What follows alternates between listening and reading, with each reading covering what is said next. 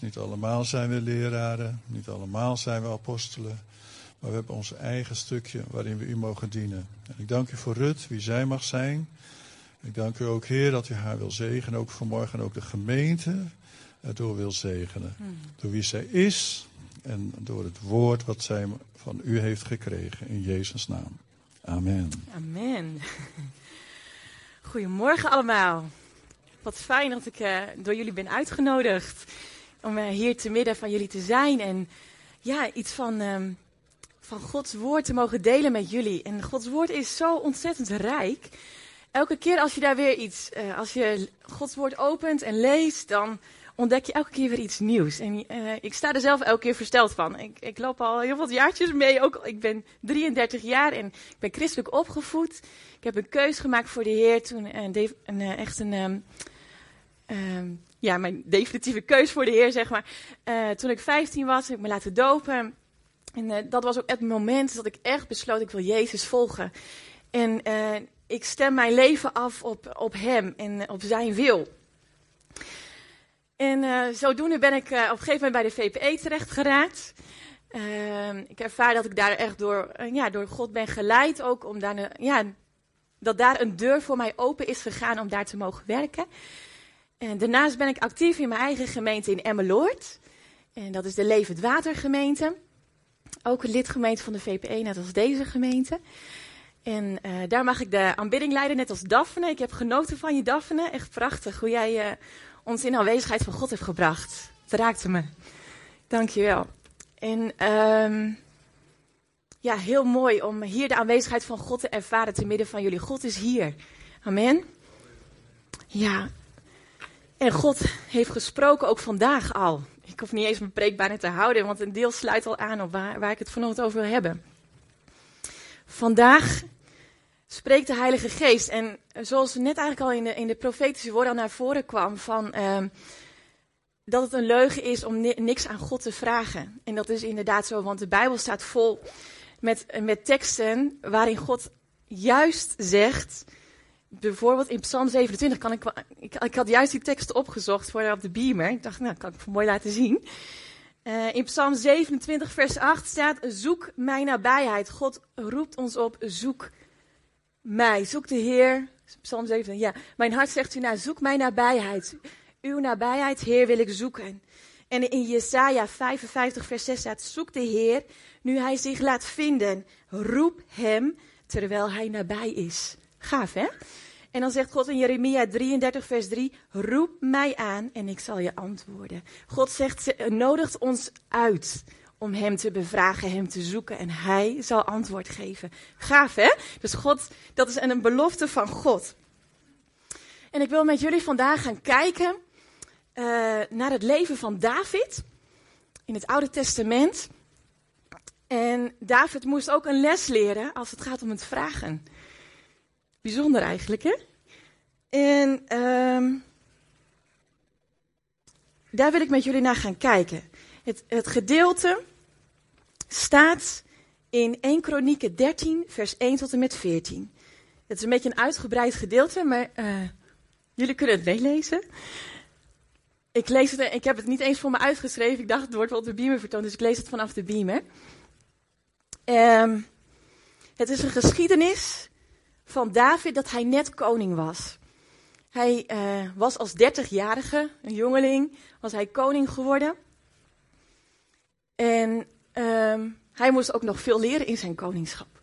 Goed, we gaan lezen. Nadat David met al zijn legeraanvoerders had beraadslaagd met de bevelhebbers over duizend man en die over honderd, zei hij tegen de gemeenschap van Israël: Als u het ermee eens bent en als de Heer onze God ons vrij baan geeft, laten we dan boden sturen naar onze verwanten die in de verschillende gebieden van Israël zijn achtergebleven.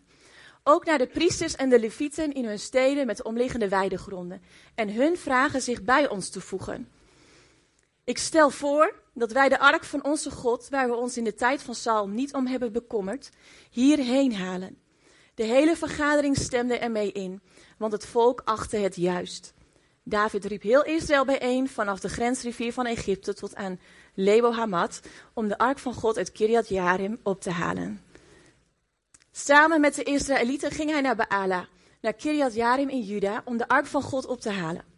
De ark van de Heer waaraan een bijzondere naam verbonden is, namelijk van hem die op de Gerubs troont.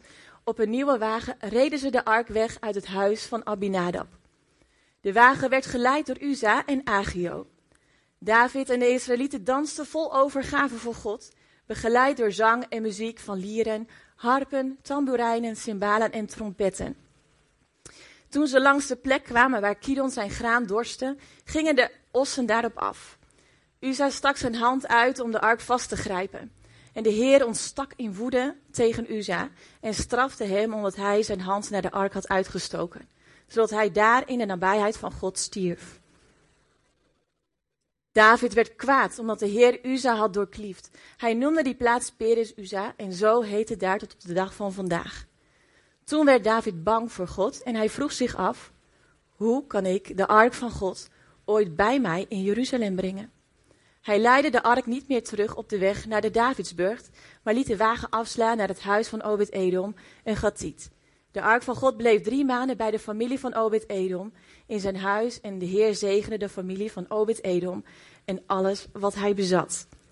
Volgens mij tot zover. Een heel verhaal. Ik hoop dat, het een beetje, dat jullie een beetje een plaatje erbij hebben. En anders ga ik die wel schetsen vanochtend met jullie. Er zijn een aantal centrale elementen in dit gedeelte wat ik met jullie even wil uitlichten. Vanochtend hadden we het al even over de tabernakel. Heel mooi. Um, een van de belangrijkste elementen in de tabernakel was de ark. De ark van God. De ark waarover de naam van de Heer was uitgesproken. En daar heb ik een filmpje over, om even een beeld te krijgen hoe zag die ark eruit. Ik hoop dat het gaat lukken, dus laten we het uh, bekijken.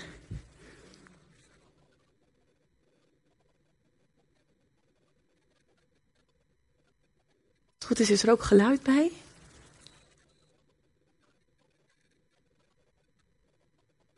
Overlay it with pure gold. Inside and out you shall overlay it, and shall make on it a moulding of gold all around. You shall cast four rings of gold for it, and put them in its four corners. Two rings shall be on one side, and two rings on the other side. And you shall make poles of acacia wood, and overlay them with gold. You shall put the poles into the rings on the sides of the ark, that the ark may be carried by them. Poles shall be in the rings of the ark, they shall not be taken from it. And you shall put into the ark the testimony which I will give you. You shall make a mercy seat of pure gold. Two and a half cubits shall be its length, and a cubit and a half its width. And you shall make two cherubim of gold, of hammered work you shall make them at the two ends of the mercy seat. Make one cherub at one end, and the other cherub at the other end, and you shall make the cherubim at the two ends of it one piece with the mercy seat. And the cherubim shall stretch out their wings above, covering the mercy seat with their wings, and they shall face one another. The faces of the cherubim shall be toward the mercy seat. You shall put the mercy seat on top of the ark, and in the ark you shall put the testimony that I will give you and there I will meet with you, and I will speak with you from above the mercy seat, from between the two cherubim which are on the ark of the testimony, about everything which I will give you in commandment to the children of Israel.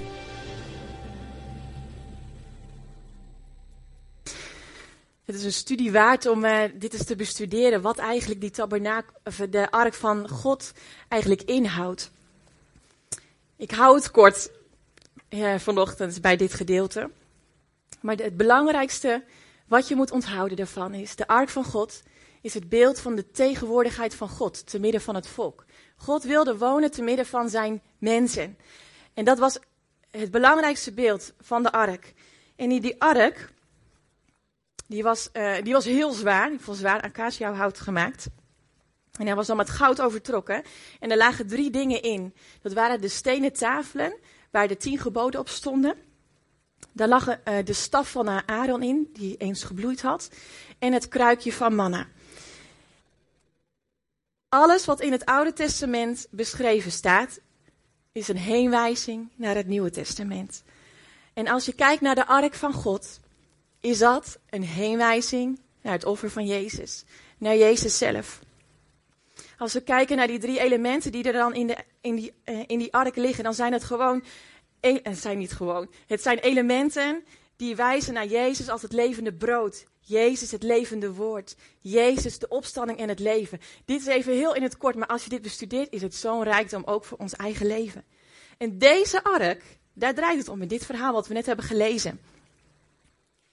Die ark, die was niet meer te midden van het volk. Het was weg. Ik weet niet of jullie de geschiedenis kennen van, van deze ark. Het was zo namelijk dat de ark niet meer te midden van het volk was, omdat er iets gebeurd was daarvoor. Deze ark uh, was in beslag genomen door de Filistijnen. De Israëlieten hadden verloren in de strijd uh, met de Filistijnen. En deze strijd die er was, was eigenlijk op um, initiatief van de Israëlieten. Deze Israëlieten die werden geleid door zonen van Eli. Eli, jullie kennen hem misschien wel, de, hoge, de priester in de tempel toen Samuel nog klein was. En zijn zonen Hofni en Pinias, die waren niet gehoorzaam aan God. Zij hadden de ark van God meegenomen in de strijd, meer als, van, uh, als een mascotte. In plaats van dat zij God echt om raad hadden gevraagd in de strijd van Heer, wilt u dat we deze strijd zouden voeren, zullen voeren? Ze hadden gewoon besloten, we gaan in strijd met de Filistijnen. En we nemen gewoon de ark mee, want die zal ons wel helpen. God was hier niet zo heel blij mee. En hij strafte daarmee ook het volk en ook Hofni en Pinias, die de dood vonden. En het volk raakte de ark, de aanwezigheid van God kwijt. De Filistijnen hadden dus die ark buitgemaakt. Nou, dan denk je, nou, dan maken zij kennis met die aanwezigheid van God. En ja hoor, dat kregen zij, maar niet op een hele een, leuke manier dat je er blij van zou worden. Deze Filistijnen die kregen te maken met, met God, echt als, uh, als machtige koning die, die niet andere goden naast zich tolereert. Want wat hadden ze gedaan, die Filistijnen? Ze hadden deze ark in het temp, belangrijkste tempel naast hun god Dagon neergezet. Wat gebeurde er? De volgende dag, toen zij in de tempel kwamen, bleek dat hun god Dagon was voorovergevallen en er waren dingen van hem afgebroken. Als beeld dat God niet een andere God naast zich tolereert. Heel bijzonder. Andere dingen die de Filistijnen meemaakten, was dat overal waar die ark kwam, in welke stad dan ook, kreeg, werd het volk geplaagd. Geplaagd met heel vervelend iets en dat waren aanbijen. Dat kun je lezen. Ja, dat had ik ook nog nooit zo gelezen. Maar uh, ik vond dat wel een hele vervelende plaag. Ik dacht, maar gewoon om te laten zien, met Gods aanwezigheid valt niet te spotten. Dus de Filistijnen, die waren er eigenlijk al spuugzat met deze ark. Ze dachten, uh, uh, de God van Israël, die hoort hier niet. Die moet weer terug. Dus wat hadden deze Filistijnen gedaan? Die hadden de ark op een wagen gezet met allemaal geschenken en hadden hem van een heuvel afgereden. Zo van, hup, ga jij maar terug naar Israël. Dus zodoende kwam de ark weer in een familie terecht. Bij het huis van Abinadab. En dat is de andere, uh, dat gezin van Abinadab, dat is een ander centraal punt in dit verhaal waar ik met jullie naar wil kijken. Deze Abinadab, die had drie zonen. Een daarvan was Eleazar en die mocht zorg dragen voor de ark. Daarnaast had hij nog twee broers en dat waren Uzza en Agio. Dat hebben we net kunnen lezen in het verhaal. Zij groeiden op en maakten het mee dat de aanwezigheid van God in hun huis was. Er gebeurde, nou, er staat niks verder in de Bijbel beschreven wat er verder gebeurde in dat gezin, maar het was denk ik gewoon rustig en de ark stond daar gewoon. Maar ze hadden wel die ark in hun midden. En dan de hoofdpersoon, David. Ik zei al net, hij was 30 jaar en hij was koning. En hij was nog niet. Uh, het volk Israël had niet echt een geschiedenis van koningen. De eerste koning was Saul. En daarna was er nog een hele korte periode en nog een andere koning geweest van twee jaar. En daarna kwam David. Nou ja, goed, wat heb je aan een voorganger als Saul? Wat voor voorbeeld had hij gehad? Ik weet niet of jullie het leven van Saul goed bestudeerd hebben of kennen. Maar Saul was niet echt uh, een allerbest voorbeeld voor David geweest. Um, Als je kijkt naar het leven van Saul, hij was geroepen door God. Hij was door God aangesteld als eerste koning van Israël. En deze koning Saul, die ehm, nam het niet zo nauw met God. Hij vond God lang niet zo belangrijk in zijn koningschap. En hij deed gewoon zijn eigen ding. Hij vond de mensen veel belangrijker dan God. Hij luisterde veel eerder naar mensen dan naar de raad van God. Als we lezen bij een uh, belangrijk uh, onderdeel in zijn leven, in zijn koningschap, dat hij eigenlijk uh, oorlog moest voeren met de Filistijnen, was hij naar een waarzegger gegaan. Omdat God hem niet had geantwoord na raadpleging. Het antwoord liet een beetje op zich wachten. Het duurde wat langer dan hij eigenlijk wilde. Dus hij dacht, nou dan ga ik maar naar een waarzegger, dan krijg ik sneller een antwoord. Maar ja, dat liep dus ook verkeerd af. Daarnaast was Saul ook heel arrogant en jaloers. En hij had gewoon geen relatie met God opgebouwd. Je kan je voorstellen dat, dat God best wel teleurgesteld hierin was, verdrietig. En dat hij uitkeek naar een andere koning. Een man naar zijn hart. En dat zag hij in David. En deze David, zijn naam betekent ook geliefd. En we hebben vanochtend ook prachtige liederen gezongen over dat wij geliefd zijn door de Vader. En David was zo iemand. Hij was iemand geliefd ook door de Vader, omdat hij zelf ook God de Vader opzocht. Hij had een relatie met God opgebouwd. Hij, hij, hij, hij zong in het veld met de schapen. En hij geloofde God. Hij geloofde in zijn macht, ook in de strijd tegen Goliath. En deze David, hoewel hij geen goed uh, praktijkvoorbeeld heeft gehad hoe een goede koning moest zijn, was hij wel een hele belangrijke, invloedrijke koning geworden, omdat hij God erbij betrokken, betrok bij zijn leven. Hij was niet volmaakt, zijn wij ook allemaal niet. Maar toch was hij een man naar Gods hart. En David was ervan doordrongen in zijn koningschap en in zijn leven dat hij zonder God zou afdwalen. Zou dwalen als een verdwaald en hongerig, vermoeid schaap die eh, op zoek was naar heerlijke grazige weiden. Maar hij wist, ik heb mijn herder nodig. En hij schreef ook in de psalmen, de vrezen des Heren is het begin van wijsheid. En allen die er naar handelen, hebben een goed inzicht. Dat was David. Dat was zijn houding. Dat was zijn relatie met God. Hij wist, ik moet het bij God zoeken. En deze koning, die had een heel goed en geestelijk plan. Het verlangen, het, het plan, de droom, ik wil God weer in ons midden van het volk hebben. Ik wil de ark weer terug. Zijn voorganger Saul had er niet naar omgekeken, maar hij was ervan overtuigd, we moeten God weer in ons midden hebben. Daar gaat het om. En ik denk ook dat God dit in zijn hart heeft gelegd. Juist omdat hij met God wandelde uh, en, en zijn tegenwoordigheid opzocht. Ik geloof dat God ook, ja, dat, ja, tot hem had gesproken. We lezen dat niet echt, maar ja, daar kun je gewoon van uitgaan. Misschien herken je dat wel. God heeft je een droom gegeven of een plan of een idee. En je weet het is van God, want God heeft hier een bedoeling mee. En wat doe je dan? In dit geval, David raadpleegde het volk. En hij zei, ja, en als het Gods wil is. Maar we lezen niet dat hij God raadpleegde. Ik weet ook niet of hij dat gedaan heeft. Maar in ieder geval, hij heeft het volk geraadpleegd. En het volk dat, zag er wel heil in. Die vond het wel goed. En ook kunnen we hieraan een beetje om, ja, naar kijken als we, als we dit gedeelte lezen. Dat nou, God geeft ruimte. Dat, dat David het plan kan uitvoeren. Dus David die, die, um, die zet het plan wat hij had om de ark terug te halen. Die zet hij in gang. Met 30.000 man, we lazen het hier niet, maar het gedeelte wordt ook in 2 Samuel uh, beschreven, maar dan een beetje in het kort. Maar daar wordt gezegd, een groep van 30.000 man ging uit om die ark terug te halen. En um,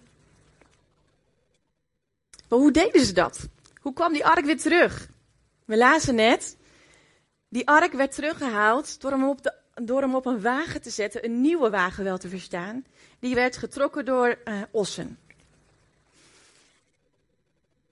Als je op, opgelet hebt, beetje, voor de goede luisteraar, de Filistijnen hadden dat ook gedaan. Die hadden ook de ark op een wagen gezet en hem naar het volk teruggestuurd. En David deed net als de Filistijnen, zette de ark op een wagen. Dit was niet de manier zoals God het zou willen. Als we de geschiedenis kennen van de richtlijnen die God had aangegeven, hoe de ark vervoerd moest worden, was die op een hele andere manier. We, zagen net in het filmpje dat de ark draagstokken had. En die draagstokken waren heel belangrijk, want niemand mocht de ark aanraken. Dat was een richtlijn van God. Want het was een heel heilig uh, gebeuren. De, ark, de aanwezigheid van God was heilig. Die stond ook in de plek in de tabernakel, in het heilige der heiligen. Daar mocht alleen de hoge priester komen, eens in het jaar. En de ark moest gedragen worden via die draagstokken door geheiligde priesters. Maar in dit geval gebeurde dat dus niet.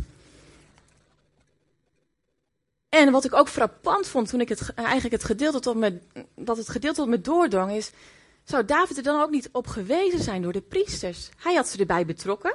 We lazen net in het begin, de levieten, die werden erbij betrokken. Die zouden het toch moeten weten, want die waren het aangewezen geslacht door God. Dus je zou je kunnen bedenken, zouden ze het vergeten zijn? Hoe om te gaan met de aanwezigheid van God? Hoe om te gaan met de ark? Of, ja, we doen gewoon wat we gewend zijn. En uh, ja, ach, het is toch een ark? Het kan toch ook op een, uh, op een kar? Het is een zwaar ding. Acacia-hout, het zwaarste hout wat er is. Is toch beter om hem dan te laten vervoeren via een kar en, en, en laten trekken door een paar ossen. Veel makkelijker. Als je zulke situaties en zulke scenario's dus gewoon tot je door laat dringen en even toepast op je eigen leven. Als je kijkt naar hoe ga ik eigenlijk om met God? Hoe ga ik om met God in mijn eigen leven, met de tegenwoordigheid van God? Ga ik ook met Hem om op een alledaagse manier? Beetje makkelijk. Vergeten we dat Hij ook een heilige God is? En dat Hij niet gelijkgesteld wil worden aan andere goden? Aan de ene kant is God onze vader en onze beste vriend. En we mogen heel persoonlijk met hem wandelen. Maar aan de andere kant is hij ook een heilige God. En heeft hij ook zijn richtlijnen gegeven. En valt er niet met hem te spotten. En is hij volmaakt in wat hij doet en wat hij heeft gesproken. Hoe serieus nemen we hem als we het hebben over wat hij belangrijk vindt? En waar hij verdriet van heeft? Hoe serieus nemen we God in ons eigen leven en gaan we met hem om? In het Nieuwe Testament wordt gesproken over dat ons leven een tempel is van de Heilige Geest. God woont in ons. Met zijn heiligheid. We zijn een woonplaats van God met ons leven. Maar hoe makkelijk zijn wij nog in de compromissen die we, die we soms sluiten, ook met, nou, met ons oude leven? Het is goed om daar eens even bij stil te staan, om eens even de spiegel bij jezelf eens voor te houden. Ik wil met jullie even kijken ook naar Uza. Uza en Agio. Die waren de zonen van Abinadab. En deze mochten mee met de ark. De een voorop, de ander waarschijnlijk ernaast of daarachter. Zij hadden de tegenwoordigheid van God meegemaakt in hun huis. En, en toch gebeurde er iets verschrikkelijks met deze Uza, met een van die zonen van Abinadab. De ark gleed van de kar. Oei. Wat doe je dan? Uzza, die strekte zijn arm uit en raakte de ark aan. Waarom deed hij dit? Je zou denken, toch, natuurlijke reactie. Ja? Zijn naam betekent ook eigen kracht. Hij handelde hier vanuit zijn menselijke eigen inzicht. Oh, ik moet die ark tegenhouden. Maar wat wat zou er gebeurd zijn als hij eraan had gedacht van ik mag de ark niet aanraken? Zou God zelf ingegrepen hebben? Zou hij het van God ook verwacht kunnen hebben van Heer, in zo'n noodsituatie zou u met een bovennatuurlijk ingrijpen uitredding kunnen bieden? Wat had hij dus beter kunnen doen? Misschien naar God om hulp geroepen hebben? We weten het niet. Het is gebeurd gewoon zoals het nu is gebeurd. Maar ik denk ook als een belangrijke les voor ons. Want wat zouden wij doen als we in een lastige situatie terechtkomen? Juist als je met, met die droom of plan bezig bent die God je heeft gegeven. Juist om ook iets, ja, je wil iets voor God doen. En uh, God heeft je die droom gegeven, misschien voor je woonplaats, voor je werk, of op school, of ja, in de buurt. En je weet het is van God. En dan gebeurt er iets waardoor het eigenlijk, oh, het glipt onder je vandaan. Wat ga je doen? Ga je dan vanuit je eigen kracht en je eigen inzicht ingrijpen? Of ga je bij God raden? Heer, help mij. Hoe moet ik dit doen? Goed, deze gebeurtenis, je kan je voorstellen, had een hele heftige impact ook op het leven van David als koning. Wow, onder zijn verantwoordelijkheid was er iemand door God gewoon gedood. Je kan je voorstellen ook dat David boos was. En dat la lazen we ook net.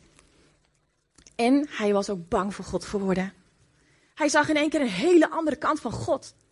Eerst die liefdevolle vader, eh, de herder, die hem leidde, ehm, die hem eh, de overwinning gaf in de strijd met Goliath.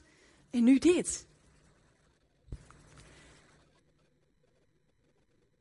God heeft meerdere kanten. En ik geloof dat God ook hier in deze, in, deze situatie ook iets van zijn andere kant wilde laten zien aan David. Van dit ben ik ook. Met mij valt niet te spotten. Ik heb richtlijnen gegeven. Ik ben ook iemand met wie je serieus moet omgaan. Het was even stil in Davids periode. Na deze situatie. Hij was boos en bang. Maar wat deed hij toen? Sloot hij zijn hart voor God? Nee. Hij opende zijn hart voor God. Hij zocht hem. En uiteindelijk begon hij in te zien om een vraag te stellen aan God. Hij begon in te zien, Heer, ik moet u erbij betrekken. Ik moet u betrekken bij mijn plannen, bij het droom die ik heb gekregen van u. En toen hij zei, hij zei de vraag, hij stelde de vraag, hoe moet ik de ark van God, Gods aanwezigheid bij mij brengen? Mooi hè? Hij moest, even, hij moest leren door deze situatie heen. Ik moet God bij betrekken. Ik moet vragen stellen aan God. Maar dat kon alleen omdat hij zijn hart had geopend voor God. Zijn hart was niet gesloten geraakt door bitterheid en verdriet, door de hele situatie. Als jij een negatieve situatie meemaakt in je leven, juist als je dacht op het goede spoor te zijn met God, hoe is dan je hart? Laat je dan bitterheid en verdriet toe en, en boosheid en sluit je je hart voor God? Ook als je, in aanbidding, als je hier in de kerk komt, kan je dan opeens bij God niet meer aanbidden? Of blijf je hart openstaan voor God? En laat je hem toe, Heer, wilt u spreken tot mijn hart? En wilt u ook, um, wilt u laten zien hoe verder te gaan? En hoe u dat het wilt dat het gebeurt. Blijf je afhankelijk van hem. En laat je je zijn hart vullen met zijn aanwezigheid. Even een voorbeeld in mijn eigen leven. Ik heb mezelf in het verleden actief geweest met een jeugdkerk. En het was uh, een deel vanuit onze kerk, onze gemeente was daar heel warm en enthousiast over. Uh, we hadden de gedachte om dat met een andere kerk te doen samen, maar dat liep eigenlijk spaak en ik had er heel veel verdriet over. We hadden het gevoel dat we een beetje in ons eentje trokken. Uh, ik was daar samen met, met een paar andere initiatiefnemers in. En um, nou, we, hadden echt, we zaten een beetje bij de pakken neer van nou, wat moeten we dan met het idee, met het plan om de, om de polder waar wij in wonen, de Noordoostpolder, hoe moeten we die nou bereiken, de jeugd bereiken? En um, ik was daar echt heel verdrietig over. Totdat er een spreker bij ons in de kerk kwam en die kwam ook bij mijn ouders thuis. Uh, mijn ouders zijn voorganger in, in Emmeloord. En hij kwam zodoende bij ons thuis en... Um, hij bemoedigde me op dat moment. Hij, uh, hij wist helemaal van niks. Maar hij zei, Rut, ik moet even iets tegen je zeggen. Dat is dat er soms moeten dingen afsterven... voordat er weer iets nieuws geboren moet worden, kan worden. En het was echt als een antwoord uit de hemel. Van, oh, God gaat hier iets mee doen. Ik wist gelijk dat het daarop uh, aansloot. En het gebeurde ook. Periode daarlater, eh, je bent zo bezig, er waren mooie ontwikkelingen. We kregen contacten met hele andere kerken vanuit de polder. Uh, de polder bestaat uit tien dorpen en Emmeloord als centrale plek. Nou, we kregen contacten met, uh, met kerken uit de, uit de verschillende dorpen. En het initiatief werd veel groter dan wij eigenlijk hadden bedacht. En het werd een heel mooi werk. Uiteindelijk is het nu gestopt, zoals vele jeugdkerken in Nederland. Het was een, een tijd geweest dat ook goed was. Maar hier konden we zien van soms gebeurt er iets in je leven dat je dacht van het is een droom van God, het is een verlangen van God voor deze omgeving. En je ziet het gewoon afbreken. Wat dan? Maar God is daar nog steeds. En dan mag je zoeken. En dat deed David ook. David kreeg te horen dat uh, de ark was dus bij een ander gezin geplaatst, Obed-Edom. En daar werd het gezin ontzettend gezegend door, die, door de aanwezigheid van God. En uh, David uh, kreeg weer meer vertrouwen in de situatie en hij had die vraag gesteld aan God: hoe moet ik die ark nou terugbrengen? En toen ging hij onderzoek doen. Hij ging even, de, hij ging even, hij ging het woord van God onderzoeken, de richtlijnen van God. En toen ontdekte hij dat het op een hele andere manier moest. Niet alleen via die kar, maar dat de ark gedragen moest worden door geheiligde priesters. En ik wil met jullie naar 1 Kronieken 15 gaan. Want daar is het vervolg van dit verhaal. David liet voor zichzelf een paleis bouwen in de Davidsburg en maakte voor de ark van God een plaats gereed door er een tent voor te laten oprichten. Daarna verklaarde hij dat alleen de Levieten de ark van God mochten dragen, want hen had de Heer aangewezen om zijn ark te dragen en hem voor altijd te dienen. Vervolgens liet hij heel Israël in Jeruzalem bijeenkomen om de ark van de Heer over te brengen naar de plaats die hij in gereedheid had gebracht. Hij riep de nakomelingen van Aaron en de Levieten bijeen. Verder. David ontbood de priesters, Sadok en Abjatar en de Levieten. U bent de hoofden van de Levitische families. U en uw verwanten moeten zich heiligen en de ark van de Heer, de God van Israël, overbrengen naar de plaats die ik in gereedheid heb gebracht. Want omdat u er de vorige keer niet bij was, is de Heer tegen ons uitgebarsten. Wij hadden toen zijn aanwijzingen niet nauwkeurig opgevolgd. De priesters en de levieten heiligden zich om de ark van de Heer, de God van Israël, over te brengen. De levieten droegen de ark van God, zoals Mozes het in opdracht van de Heer heeft voorgeschreven, met de draagbomen op hun schouders. Zo gingen David en de oudsten van Israël en de bevelhebbers over duizend man op weg om de ark van het verbond met de Heer feestelijk op te halen uit het huis van Obed-Edom. En terwijl de levieten met de hulp van God de ark van het verbond met de Heer droegen, offerden zij zeven stieren en zeven rammen. Volgens mij tot zover, of had ik nog een tekst, ik weet het even niet meer. Nee, dat is de volgende. Yes. We lezen hier dus dat deze tweede poging op een hele andere manier gebeurde. Dus volgens de richtlijnen van God. De ark werd gedragen door geheiligde priesters en de weg werd gebaand door bloedoffers. Dit God toen dat de ark en de tegenwoordigheid van God door priesters werd gedragen, maar het geldt ook nu. In het Nieuwe Testament spreekt de Bijbel over dat wij een heilig en koninklijk priesterschap zijn. Wij als priesters van God mogen de heerlijkheid van God in ons meedragen. En dat door Jezus, die ons offer is geweest. Zijn bloed is vergoten en wij mogen op die weg van Jezus, die Hij voor ons gebaand heeft, mogen wij gaan. Prachtig hè? Zo'n beeld. En yes, deze tweede poging was gelukt. De tegenwoordigheid van God was weer terug onder het volk. Een prachtig verhaal, als je hierover nadenkt, als je het tot je door laat dringen. En we kunnen hier zoveel lessen uit halen. Ik heb er een aantal voor jullie op een rijtje gezet. Om daarmee af te sluiten. Alle mensen hebben een droom om een gelukkig leven te leiden. In vrijheid, in vrede, in vreugde. En mensen zijn op zoek om die droom te kunnen verwezenlijken voor hun leven. Hoe is dan de vraag? Je weet het wel hoe de mensen daar wel mee omgaan. Ze zoeken het in veel geld verdienen. Ze zoeken het in mooie kleding, dat je er hip en fantastisch uitziet. Maar als je die diepe droom van vrede, blijdschap, van vreugde in je leven wil ervaren, kan het alleen door Jezus. We hebben vanochtend al zoveel daarover gehoord, ook door de aanbidding heen. Door de dingen die er gezegd zijn. Maar Jezus is het antwoord om jouw droom voor jouw leven in blijdschap, in vrede te verwezenlijken. Door zijn bloed, door zijn offer. Hij is het antwoord daarin voor jou vandaag als je daarnaar op zoek bent. Maar er zijn er misschien ook mensen hier in ons midden die een droom, een verlangen hebben voor God. En je ervaart het is van God. Maak dan niet de fout, net als David, door je eigen inzichten na te gaan. En vertrouw niet, net als Uzia, op je eigen kracht. Maar leer door David, door ook hoe vragen te stellen aan God. Heer, hoe zou u het willen hebben? Hoe heeft u hier dingen over gezegd, ook in uw woord? Onderzoek Gods woord. Hoe hij het zou willen. En vertrouw op hem. Wees afhankelijk ook van God.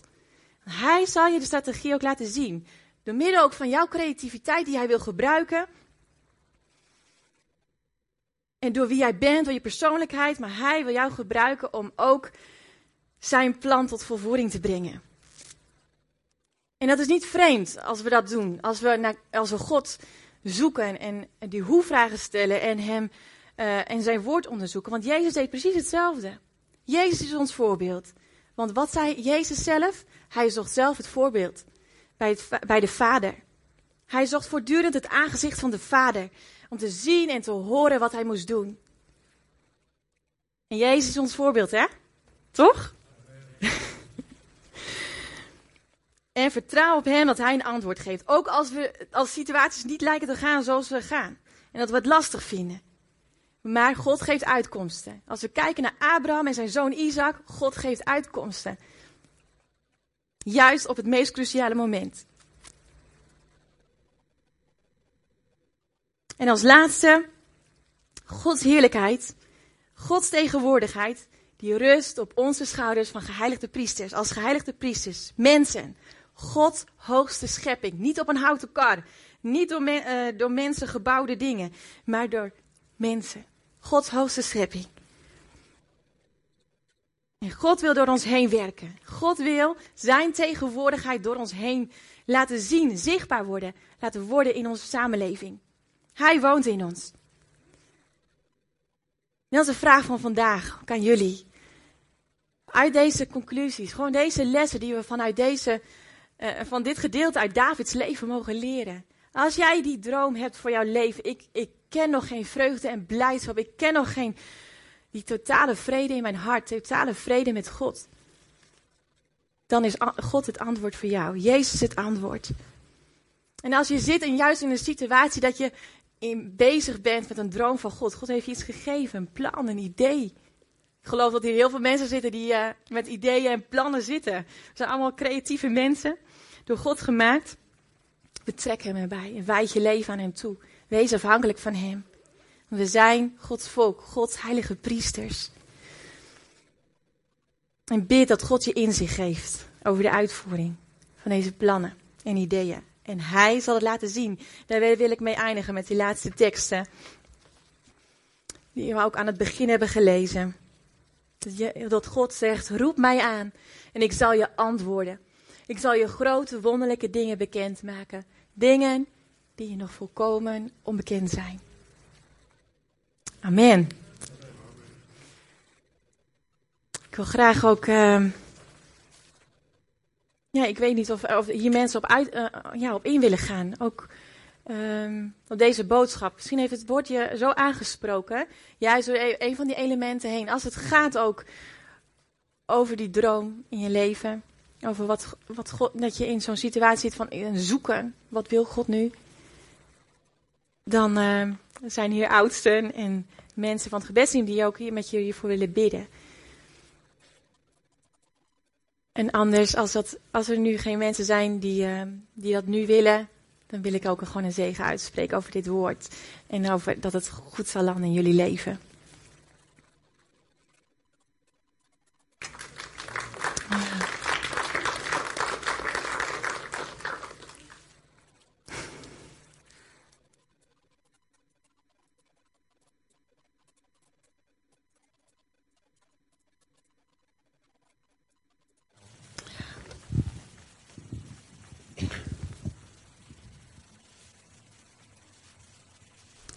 Zal ik. ehm, prima. Ik zie wel iemand naar voren komen, maar. eh, die misschien gebed wil, hè? Ja? jaren geleden.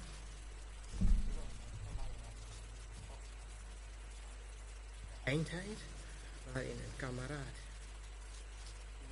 een rol speelt, maar niet zichtbaar, Ja. maar Ja, helemaal goed. Ja, fijn. Ja, vader, ik wil al zo bij u komen en ik dank u dat uw woord heeft geklonken vandaag. Heer, we kunnen zoveel leren van uw rijkdom, van uw woorden die u geeft. Ik dank u voor uw woord, vader. En ik bid ook dat voor een ieder die hier aanwezig is, die het woord heeft gehoord, vader, bid dat het als zaad zal zijn die opgroeit in ieders leven. Heer, dat we van u afhankelijk zijn. Dat u een richting wil geven in ons leven. Waar we ook staan. Op welk punt in ons leven. De plannen, de dromen, de ideeën die u ons heeft gegeven. Die, waarvan we weten het is van u. En het gaat om uw eer. Het gaat om uw naam. Die we zichtbaar willen maken. Vader, ik bid voor een ieder. Dat het duidelijk en helder zal zijn. Welke strategie ze moeten bewandelen. Vader, dank u dat u betrokken bent bij ons leven. En dat we mogen leren, net als David, om u te bevragen. Heer, u vindt het niet erg om bevraagd te worden. U roept onszelf ertoe op. Vader, we danken u voor wie u bent. Onze heilige koning. Heer, we willen uw naam eren met ons leven. Als geheiligde priesters. Heer, en we willen de tegenwoordigheid van u met ons meedragen. Ook naar huis. Vanmiddag, in deze week weer, als we onze eigen weg gaan. Met werk of gezin of school nu even niet. Heer, maar ik dank u dat u met ons meegaat.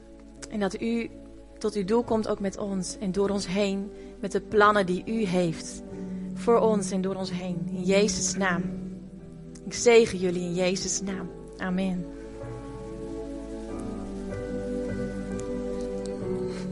Laten we nog een lied zingen. Ja.